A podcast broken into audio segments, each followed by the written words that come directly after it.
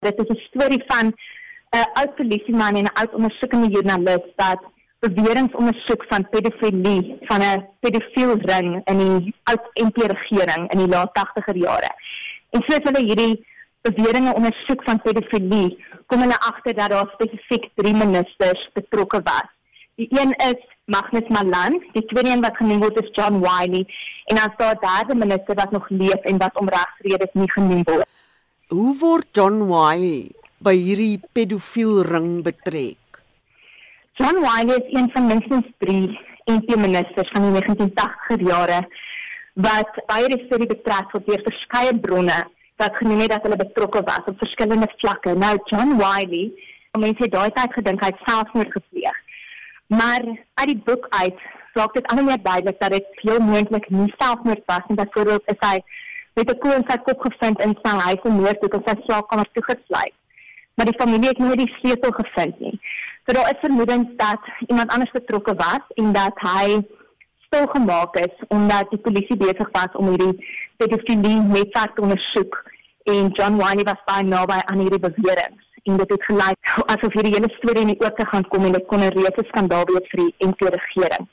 So daar is sterk vermoedens en dit kom ook uit die boek uit dat beide John Wiley se wat destyds mens as selfmoord as ook nog 'n karakter in die boek se selfmoord moontlik nie selfmoord was nie. Is daar met slagoffers van hierdie beweerde seksuele aanrandings gepraat? Ja, daar is. Die polisieman maak wat die mede-auteur is. Die 30 jaar gelede toe hy die polisie se hoofondersoekbeampte op die saak was, het hy met verskeie slagoffers gepraat. Hy het ook gepraat met ander getuies. Hy het gepraat met die matrone in die hospitaal waar in 'n deel van die boek was daar 'n insident waar een van hierdie seuns beseer is omdat 'n koel afgegaan het en hy is na hospitaal gebring. En in die hospitaal was daar 'n matrone wat aangesê is om dit alles toe te smeer en te sorg dat sy naam nie op die register is nie. Mark Minnie het ook met haar onderhoud gevoer.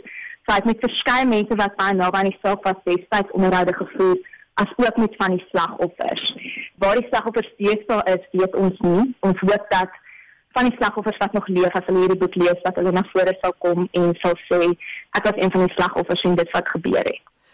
Kom dit uit in die boek hoe Melan en Wiley en dan nou die ander persone eh, die kinders in die hande gekry het. Bird Island is net van die kus van Port Elizabeth af. So dit kom uit in die boek hoe van hierdie mense en dit nie net die ministers nie, dis 'n breër netwerk. Byvoorbeeld Dave Allen, die sakeman is ook deel van die netwerk en dit kom uit hoe hy hierdie kinders op straat optel. Bestaan van hulle basies blackmail om seksuele gunste uit te voer. So byvoorbeeld sal hy van hierdie kinders op straat optel met dagga in hulle besit en dan sal hy vir hulle sê, "Wel, of ek sê vir jou ouers dat ek die dagga in jou besit gevind het of jy met my een of ander seksuele guns bewys." En dan van hierdie kinders is na Bird Island te vervoer met onder meer helikopters en die vermoede is van dit was militêre helikopters.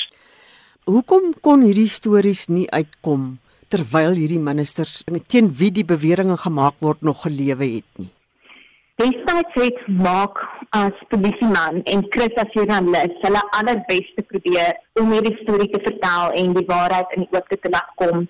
Maar soos ons weet, was daar ernstige sensorskap in die NP regering wat besonder magtig. Ons praat hier van Magnus Malan wat die tweede magtigste man in die land na Pierre Botha.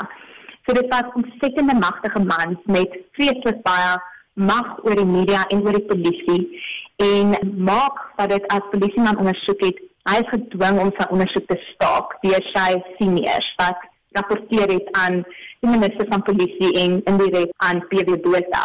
En omdat hy so sterk gevoel het oor die saak het hy voortgegaan om dit te ondersoek. Daar is op hom geskiet, daar is 'n bom in sy motor geplaas en sy motor is opgeblaas. So daar was baie duidelike pogings om hom stil te maak. Hy het aangehou en aangehou tot op 'n punt waar hy nie langer kon nie want die polisie het hom nie toegelaat nie en hulle het die dossier met sy bewyse weer regtelik uit sy kantoor gaan verwyder.